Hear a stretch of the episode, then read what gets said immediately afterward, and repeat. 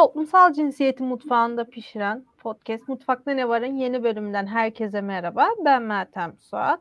Bugün sizinle bir hukuksuzluğu pişireceğiz mutfağımızda.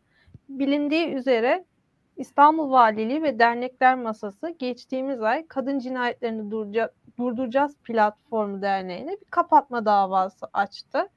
Derneğin kapatma davası gerekçesi olarak kadın haklarını savunma kisvesi altında aile mefhumunu yok saydı ve aile yapısını parçalamaya çalıştığı iddiası yer alıyor. Bugün platformun genel sekreteri Fidan Ataselim ile dava sürecini konuşacağız. Fidan Hanım hoş geldiniz. Hoş buldum, merhaba. Fidan Hanım, öncelikle dava sürecinin nasıl başladığı hakkında konuşarak başlayalım. Ee, ne zaman dava dosyası açıldı, derneğin bu durumdan ne zaman haberi oldu ve hangi iddialar yer alıyor dosyada? Tabii aslında biz çok yakın bir vakitte öğrendik. Nisan'ın Nisan ikinci haftası gibi. Ama sürecin 2016 yılında başladığını dosyaya bakınca öğrenmiş olduk. Davanın açılışı da yani davaya soruşturmanın davaya dönüşmesi de Aralık 2021 tarihinde. Bütün bu meselelerin ilk başlangıcı 2016 yılındaki BİMER şikayetleri oluşturuyor. Bu BİMER şikayetleri e, anladığımız üzere yine dosyanın içerisinden ve yeni öğrendiğimiz gibi e, 18 kişi kimliği gizli, bir kişinin kimliği açıktı. Oradan zaten tahmin ettiğimizi doğrular nitelikteydi kimler oldukları. Organize olmuş bir şekilde e, BİMER'e bizimle ilgili şikayetlerde bulunmuşlar. Kopyala yapıştır bir metin kadın haklarını koruma kisvesi altında aile mefhumunu yok etmeye çalışıyor bunlar. Bunlar LGBTQ artıları burada yaymaya çalışıyorlar. Bunlar terörü destekliyorlar gibi çeşitli e, iddialar e, yer alıyor. E, bunun üzerine de e, Kadın Cinayet, Feminist Örgüt Kadın Cinayetleri Mücadelesi Platformu Derneği'nin derhal kapatılmasını istiyoruz diye şikayetler. Bu şikayetlerine dayanak olarak da çeşitli sosyal medya paylaşımlarını eklemişler bizim paylaşımlarımızı. O sosyal medya paylaşımlarından e, biri bizim aylık her ay yayınladığımız kadın cinayeti verileri, raporumuz yani. Ve e, bu kadar kadın öldürüldü erkekler tarafından. Bundan e, hükümet sorumludur, devlet sorumludur. Çözmekle yükümlüdür dediğimiz. E, bir diğeri o dönemde başbakanın bir sözü vardı e, adam gibi, madam gibi değil, adam gibi ölmek üzerine, ölüm üzerine bir sözüydü, cinsiyetçi bir ifadesiydi. Bunu eleştirdiğimiz bir paylaşım. E, bir diğer paylaşım e, Cumhuriyet Gazetesi'nde o dönemlerde tutuklamalar olmuştu, nöbet sürüyordu. Orayla ilgili bir dayanışma paylaşımı. E, bir diğeri de kadın siyasetçilere dönük yine o hal dönemindeki baskılara karşı dayanışma mesajlarımız. E, kadın siyasetçilerin önünün açılmasıyla ilgili baskılara karşı yaptığımız paylaşımlar. Bunlar bu paylaşımları eklemişler ve hani bu şikayet edenlerden bir kişiyi görüyoruz ki e, nafakasını ödemediği için cezaevine girmiş olan ve e, o ildeki AKP'lilerin desteğiyle e, cezaevinden çıkmış olan bir kişi olduğunu görüyoruz. Ve zaten bütün bu şikayetlerin metinli, metin içeriğine baktığımızda şunu da görmek mümkündü. Çok e, yaygın olmasa da küçük marjinal olan bir e, e, radikal grup var. Toplumsal cinsiyet eşitliği karşıtı, e, aşırı muhafazakar. Bunları hatta bir tür e, kendi içlerinde bir oluşumlar içerisine de giriyorlar. Nafaka karşıtları, e, gibi yani sözde mağduriyetler üzerinden kurdukları küçük oluşumları da var. E, bunlar tıpkı İstanbul Sözleşmesi'nden imzanın kaldırılması için her ne deniyorduysa 2016 yılındaki şikayet bizimle ilgili ihbar, BİMER ihbarlarında da aynı cümleler yer alıyordu aslında. Hiç farklı bir durum yoktu. O zamandan itibaren aslında bizi kapatmak istemişler. Ee, işin aslında yani çarpıcı ve e, üzücü yanı şu. Bu dilekçeleri dikkate almışlar. Dikkate almışlar ve bunun üzerine biz denetlenmişiz örneğin. Biz 2016 yılında bir dernekler müdürlüğü tarafından denetimden geçtik. Ee, biz hani rutin bir denetim diye e, düşünüyorduk. Meğersem bu biber şikayetler üzerine bizleri denetlemişler. Olsun önemli değil. Bu denetimlerin sonuçlarından da belli usulü hatalarla ilgili çeşitli para cezaları cüzi miktarlarda kanunda zaten belirtilmiş şekilde. Bunun dışında bir şey zaten denetim sonuçları dosyada olmasına rağmen suç gibi gösterdikleri şeyler bizim de aynı şekilde diyelim ki iddiaların yersiz olduğuna dair delil olarak göstereceğimiz şeyler. Aynı denetim sonuçları. Üç kere biz bu yıllar içerisinde denetimden geçtik. Üç kez. E, bu süre içerisinde tabii şöyle işliyor. BİMER'e giden şikayetler bakanlıklara geliyor. Bakanlıklardan e, valiliğe, valilikten il dernekler müdürlüğüne. E, bu şekilde bir süreç işliyor. E, bu süre içerisinde aynı zamanda emniyetle yazışmalar oluyor. E, ve e, yine 2016 döneminde KHK ile kapatılan e, bir derneğin üyesi aynı zamanda bizim de bir üyemizmiş diye o arkadaşımızı buluyorlar, o üyemizi buluyorlar ve bununla ilgili dernekler müdürlüğü diyor ki emniyete bu bir e, bunların, bu kişilerin bu derneğin terör örgütleriyle bir bağlantısı var mı diye araştırılsın diyor. Emniyet böyle bir bilgi bulunamadı diye yanıt veriyor. E, arada yani düşünün yıllar içerisinde defaten 5-6 kez savcılık e, bu, bu ihbarı iade ediyor dernekler müdürlüğüne. Bir dönem valilik kendisi ihbarda bulunuyor. Valiliğe de iade ediyor ve diyor ki iddialarınızı somut e, olaylara ve olgulara dayandırmanız gerekiyor diye söylüyor. Bunun üzerine tekrar e, dernekler müdürlüğü, valilik, e, emniyet hep birlikte yine başka bir şey bir delil bulmaya çalışmışlar yıllar boyunca.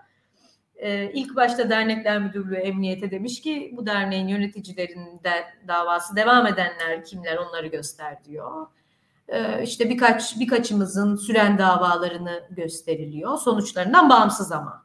Sonra savcılık tekrar iade ediyor dosyayı. Yeterli delil ve olgulara dayandırmanız lazım. Kapatılmasını istiyorsunuz diye söylüyor. E, bunun üzerine meseleyi genişletmeye çalışıyorlar ve dosyaya ee, bütün dernek yöneticilerinin şimdiye kadar ki e, toplumsal arşiv kaydını ekliyorlar. Yani bu nedir? E, düşünün ki e, adli sicil kaydı değil bu. Öyle anlaşılmasın. Adli sicil kaydının yer alması da ayrı bir meseledir ama adli sicil kaydı bile değil. Sonuçlanmış davalardaki alınmış cezalar da değil hangi eyleme katılmışız, nerede gözaltına alınmışız, bizimle ilgili hangi soruşturmalar açılmış, yani bizimle ilgili yapılmış olan bütün işlemler derlenmiş. Birincisi böyle bir derlemenin olması zaten temel insan haklarına, özel hayatın gizliliğine aykırı. Bunların dosyaya giriyor olması zaten tamamen hukuksuz bir şey. Ve bunlar suç gibi gösterilmeye çalışılmış. Yani sonuçları soruşturmanın soruştur, çeşitli soruşturmalardan takipsizlik kararı verilmiş. O yok ama dosyada. Soruşturma açıldı diye yazıyor. Dava açıldı diye yazmışlar. Davanın sonucunda örneğin beraat etmişiz. O yok. Beraat etmemiş de olabilirdik. Bu hani meselenin o kısmı önemli değil ama bu kadar yani hani absürtlüğünü göstermek açısından söylüyorum. Buna rağmen tekrar yani bütün bunları toplamaya çalışmış olmalarına rağmen tekrar e, savcılık iade ediyor. Ee, sonra artık 2021 yılın Aralık ayında davaname hazırlanıyor. Davanamenin dayanağı olarak da gösterdikleri şeyler üç temel başlık var. Biri BİMER şikayetleri, e, ikincisi KHK ile kapatılmış olan bir derneğin üyesinin bizim de üyemiz oluşu.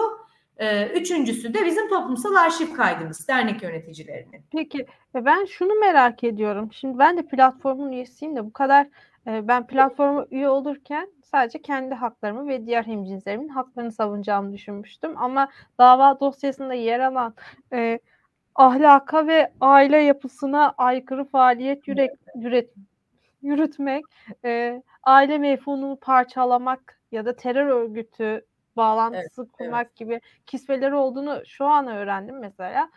E, ben bu kadar çok kapsamlı bir yere üye olduğumu bilmiyordum açıkçası. yani evet o zaman sana da sana da sorayım arkadaşım ne, ne hani ne neymiş bu? Ama mesele meseleyi şöyle görmek lazım. Yani ben şunu sormak istiyorum. Tabii. Şimdi, e, şimdi BİMER kapatılan bir kurum artık BİMER CİMER oldu. E, 2016'da bir şikayet yapılmış BİMER'e. Olmayan bir kuruma kurumun şikayeti nasıl dikkate alınmış? Bu bir. İkincisi de dün Adalet Bakanı Bekir Bozdağ açıklamasında biz kimseye atılan tweetlerden dolayı içeri almıyoruz, soruşturma açmıyoruz. Tweet'in içeriğine bakıyoruz dedi. E şimdi biz kimse yapılan faaliyetinden paylaştığı şeylerden dolayı da dava açmıyoruz. İçerideki faaliyete mi bakıyoruz durumu var. Yani hem kapatılan bir kurumdan şikayet almakla nasıl dava açılabiliyor? Bir de size hangi kanuna muhalefetten dava açtılar? Yani aile yapısını parçalamaya çalışmak hangi kanun maddesine dayanıyor? Bir de üçüncü evet. şunu da sormak istiyorum. Şimdi sizin yaptığınız paylaşımlar da dava dosyasına girmiş. O fişleme gibi bir şey olmuyor mu? Tabii ki tamamen öyle. Yani tüm paylaşımlar toplumsal arşiv kaydının dosyaya girilmiş olması, fişleme denilen şey böyle olur zaten. Yani e, o kadar çeşitli yani e, uyuşturucu baronlarının yani çeşitli çetelerin bir sürü suç örgütünün alenen konuşmalar yaptığı, açıklamalar yaptığı, bazı şeyleri işaret ettiği bir sürü şey bütün bunlar kamuoyu önünde olurken bunlarla ilgili hiçbir şey yapılmayıp sade vatandaşın ya da hak savunucularına dönük, mücadele eden insanlara dönük bu tür e, fişlemelerin yapılıyor olması bu tam yani hatırlayın pandemi döneminde de onun öncesinde de bir tür ihbarcılık, herkesin birbirinin e, kuyusunu kazacağı bir e, zemin yaratılmaya çalışılıyor. Zaten hani toplumsal kutuplaşma yaratılmaya çalışıl, çalışılıyordu. Bunun ötesinde bir tür ihbarcılık ve fişleme meselesi yaygınlık kazanıyor.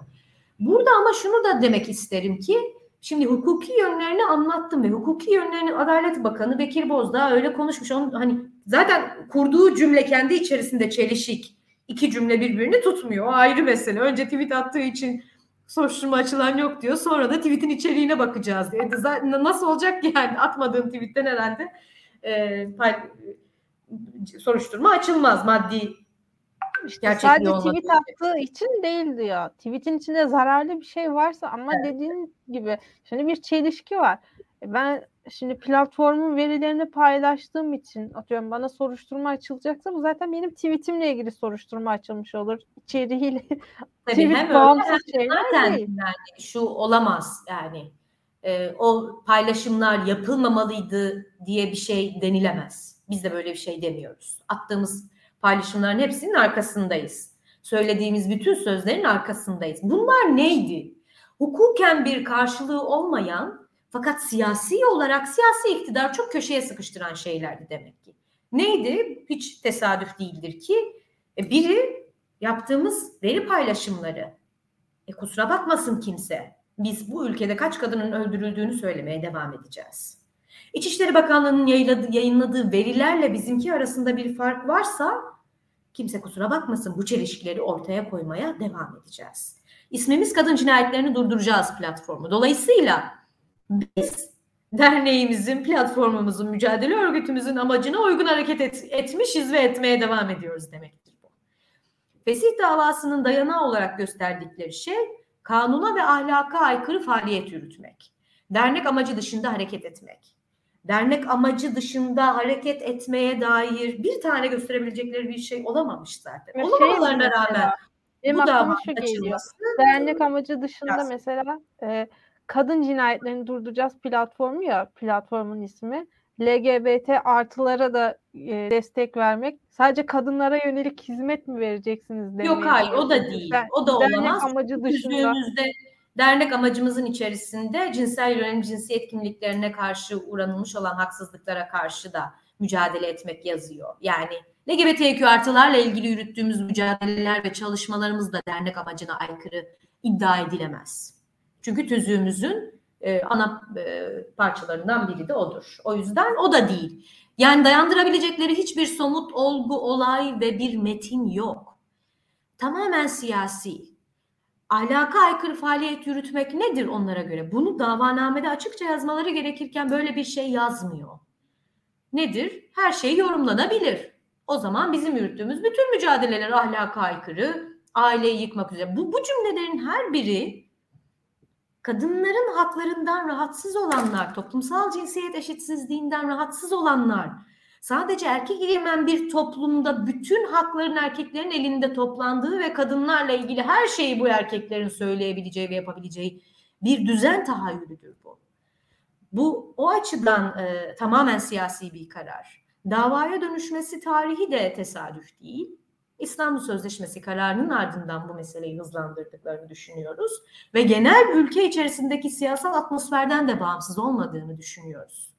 Çünkü yakın zamanda haklı gezi direnişimizin e, o önemli ayaklanmanın ve sonuçlanmış yani Gezi Parkı'nı Gezi Parkı olarak hala durmasını sağlayan mücadelemizin defalarca yargılanıp beraat etmesine rağmen son duruşmada tutuklanması arkadaşlarımızın. Bu karar. Bunun ardından Canan Kaftancıoğlu'na dönük çıkan karar. Ekrem İmamoğlu ile ilgili açılmış olan davalar. HDP'ye açılmış olan kapatma davası. Ve şimdi de bize açılmış olan kapatma davası.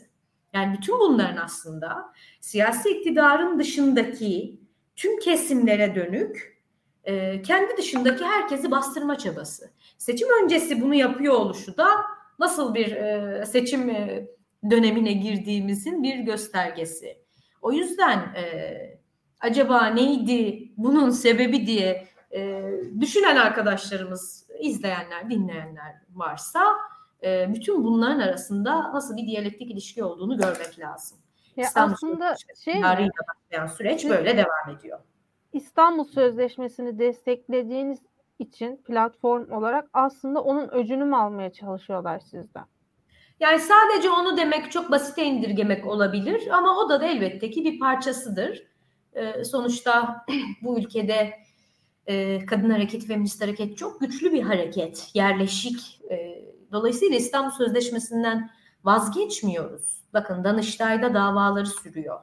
1 Haziran'da bizim Çağlayan Adliyesi önünde kapatma davamızın duruşması olacak. Hep beraber olacağız yine. Asla yalnız yürümeyeceğiz biliyoruz. Hukuksuz davalarla kapatamayacaklarını söyleyeceğiz. Tüm demokratik kamuoyuyla birlikte, tüm kadınlar ve LGBTQ artılarla birlikte. 7 Haziran'da yine Ankara'da olacağız, Danıştay'da olacağız. Duruşmalar devam ediyor İstanbul Sözleşmesi ile ilgili. Sonraki günlerde yine 14'ünde 13'ünde ve 24'ünde tekrar Danıştay'da duruşmalar olacak. 27 Nisan'da Danıştay'da konferans salonunu doldurdu, doldu taştı kadınlarla. Kitlesel bir e, e, dava takibi oldu Danıştay'daki İstanbul Sözleşmesi duruşması. E, ama hemen ne oldu? Çok düz bir mantıkla Danıştay salonunu kadınlar LGBTQ artılar doldurunca e, bir hafta sonra kadar e, Cumhurbaşkanı Danıştay'ın o konferans salonunda başka bir etkinlik düzenledi. Bize kapatma davasını öğrendiğimizde hemen eylemler yaptık ülkenin dört bir yanında. Hukuksuz davalarla kapatamazsınız diye. Cumhurbaşkanı hemen öldürülen kadınların aileleriyle e, iftar yemeği düzenledi.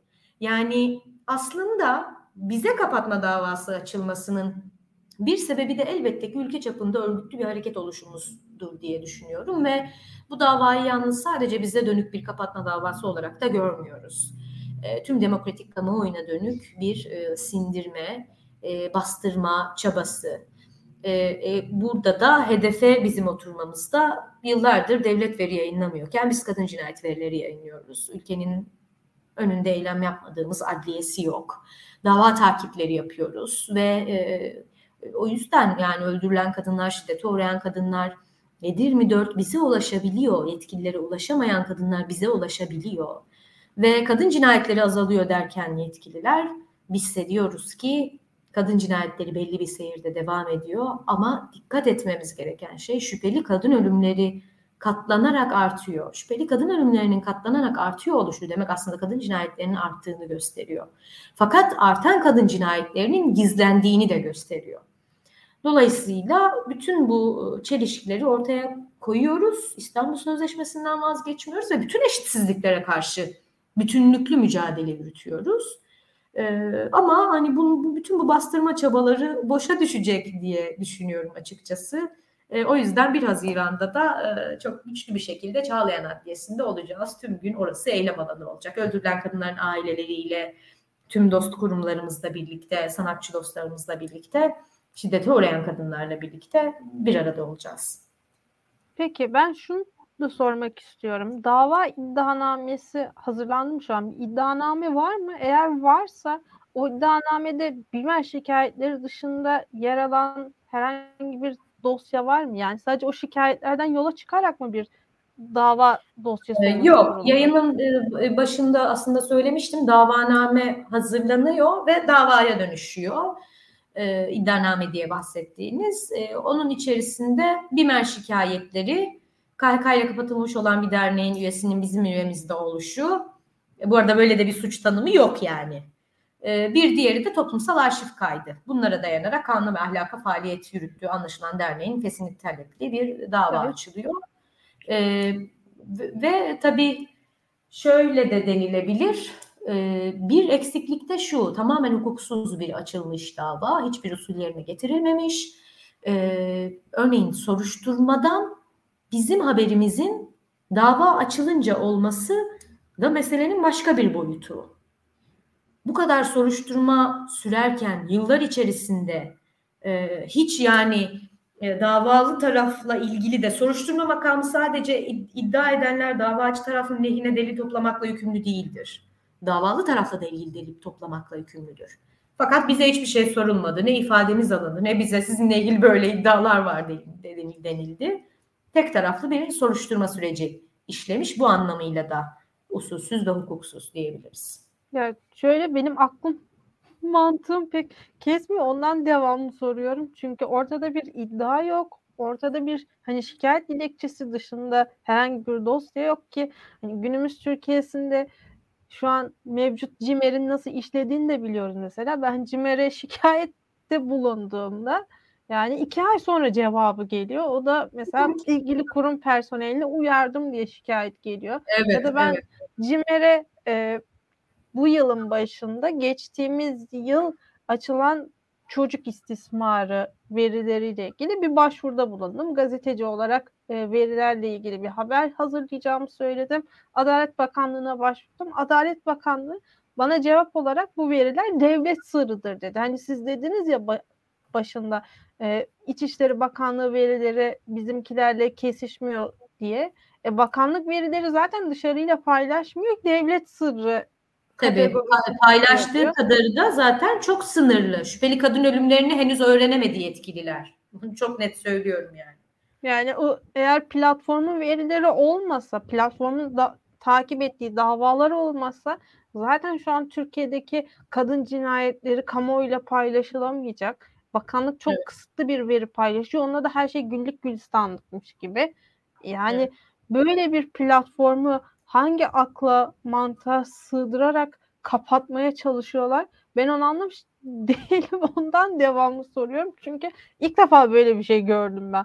Hani aile yapısını bozmak istedikleri kurum kadınları şiddetten koruyan bir platform ve siz bu platforma aile yapısına zarar veriyorsunuz. Aile yapısını parçalıyorsunuz diyorsunuz ki evet, biliyorsunuz evet. İstanbul Sözleşmesi'ne de aynı sebeple karşı çıkıyorlar. Aile yapısına zarar veriyor diye. Tabii Çok tabii. tabii.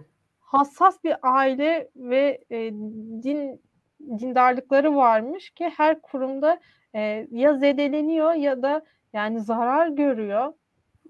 Gerçekten onların da işi zor. Aile yapıları bu kadar hassas. Platformun e, dava takibiyle zarar görecek olması çok çok yani enteresan. Bizim dava takibimiz de zarar görecekse de görsün o aile. Yani me, me, me, mevzu şu İstanbul Sözleşmesi'nde tıpkı söylediğiniz gibi İstanbul Sözleşmesi de aileyi yıkıyor diyorlar. Altı bu bitmiyor ama.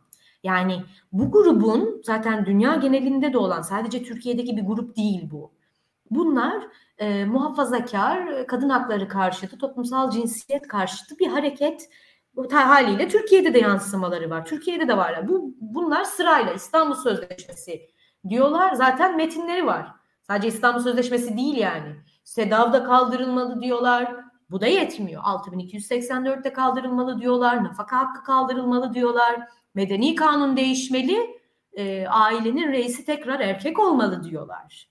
Bitmiyor yani. Hani Lanzarote çocukları korumakla ilgili olan bir sözleşme. Lanzarote Sözleşmesi de kalksın diyorlar.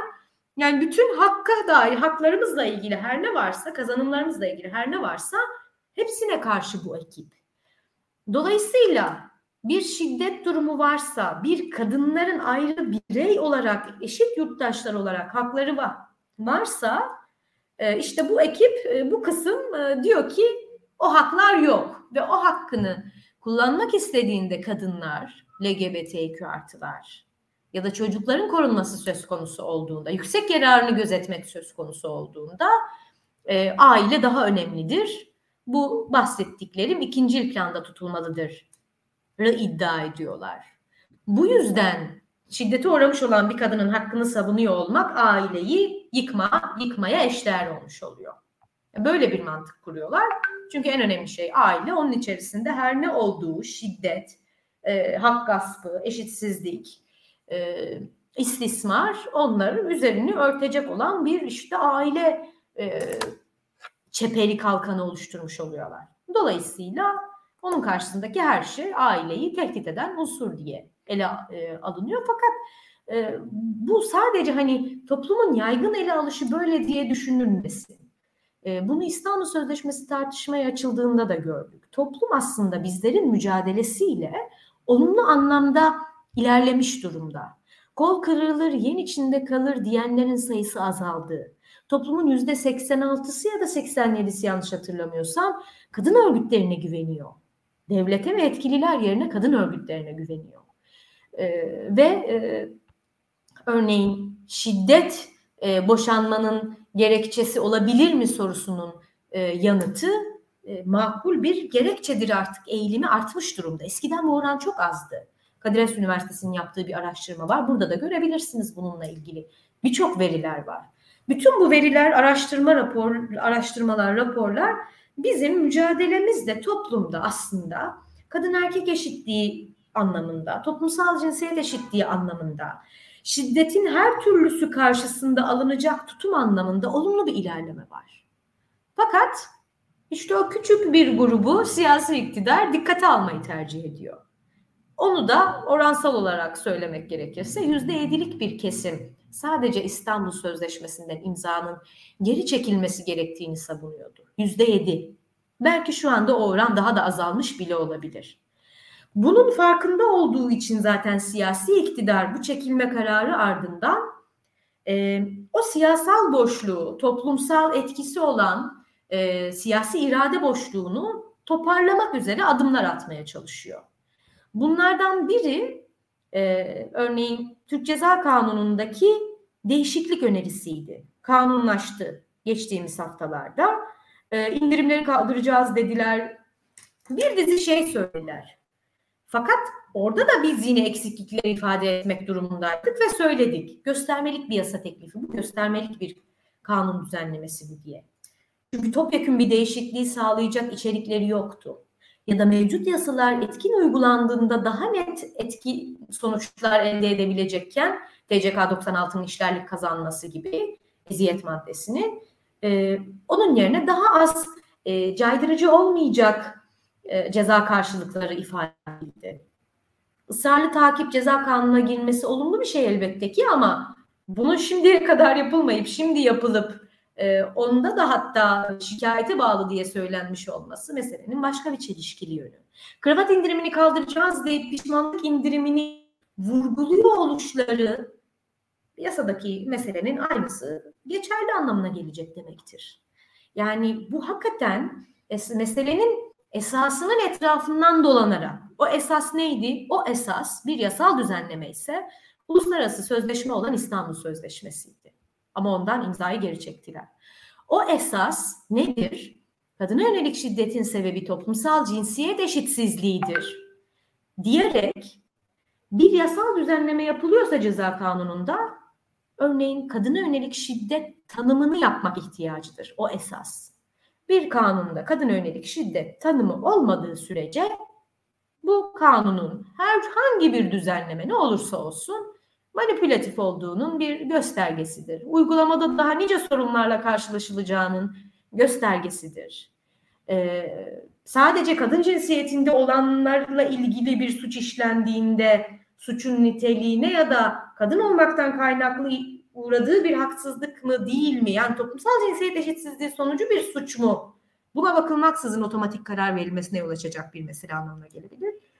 E, o yüzden bunu tamamlamak istediler. Biz biz yaparız, en iyi biz yaparız kadın hakları ile ilgili gelişmeleri e, demeye çalıştılar ama onu da çok eksik e, yaptıkları için, çelişkili olduğu için E, o da tutmadı. Toplumun e, dokusuyla da tutmuyor. Çünkü toplum epey ilerlemiş durumda. Siyasi iktidar gerisinde kalıyor toplumun. Zaten bizlerin çok çok gerisinde kalıyor. Onu söylemiştim zaten.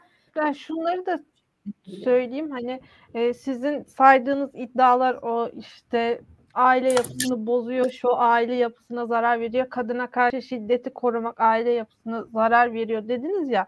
Şimdi o saydığınız iddialara göre ben büyük ihtimalle ciddi bir e, iç tehdidim. Bu podcast'in de kapatılması gerekiyor. Çünkü aynı şeydir ben de yapıyorum. Bir başkası da yapıyor. Bunu önleyemezler ki. Böyle böyle bizi susturmaya da çalışamazlar. İkincisi de dediğiniz gibi ben e, geçtiğimiz aylarda Kadir Has Üniversitesi'nden Profesör Doktor ile de toplumsal cinsiyet algısı araştırması hakkında bir bölüm yapmıştım. Orada da mesela İstanbul Sözleşmesi'nin aslında karşı çıkanların gitgide azaldığını görüyoruz. Ya da erkekler kadınlara göre daha çok takip ediyor İstanbul Sözleşmesi kararını. Evet ciddi bir e, hem yani duyarlılık, farkındalık ve e, bunun mücadelesini yürütme hali var. Bunun çok olumlu ve umut verici olduğunu düşünüyorum.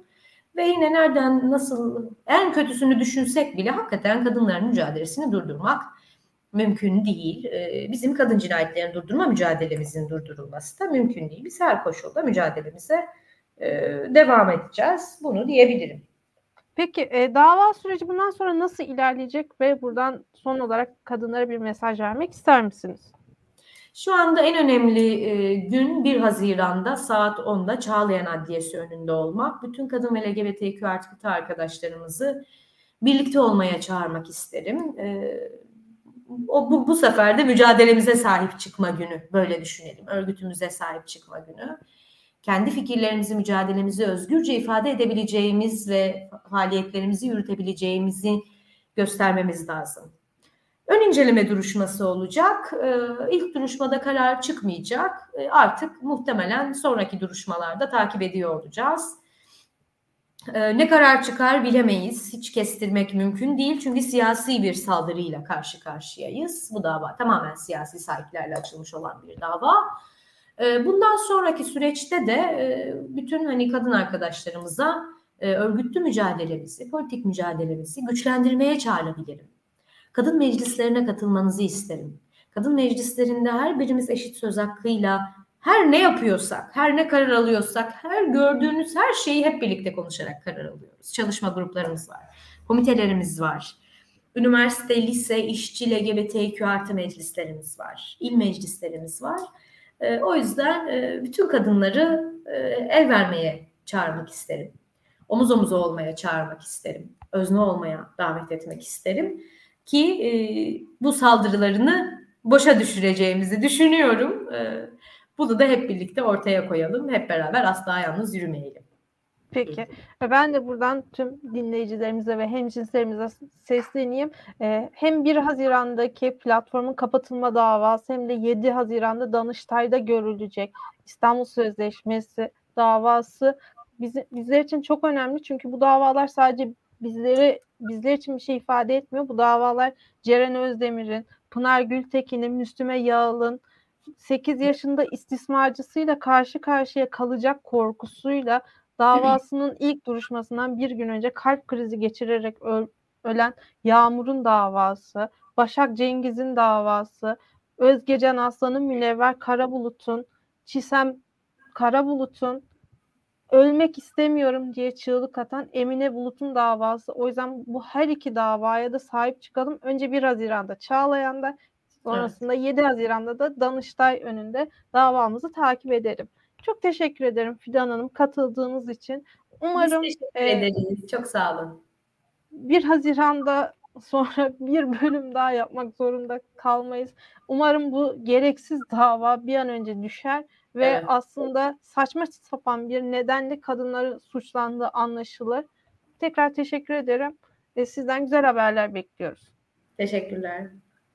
Toplumsal cinsiyeti kısık ateşte bitiren podcast Mutfakta Ne Var'ın bir bölümün daha sonuna geldik. Toplumsal cinsiyeti ilgilendiren konuları, gündemleri takip etmek için bizi dinlemeyi, Spotify, Google Podcast ve iTunes kanallarımızı takip etmeyi ve Daktilo 1984'ün diğer yayınlarını izlemek ve takip etmek için internet sitemizi ziyaret etmeyi unutmayın. Hoşçakalın.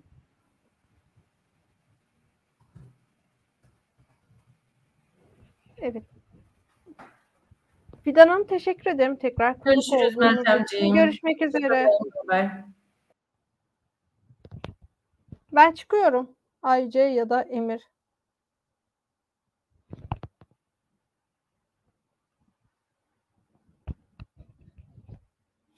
Orada biri var mı? Beni duyuyor mu?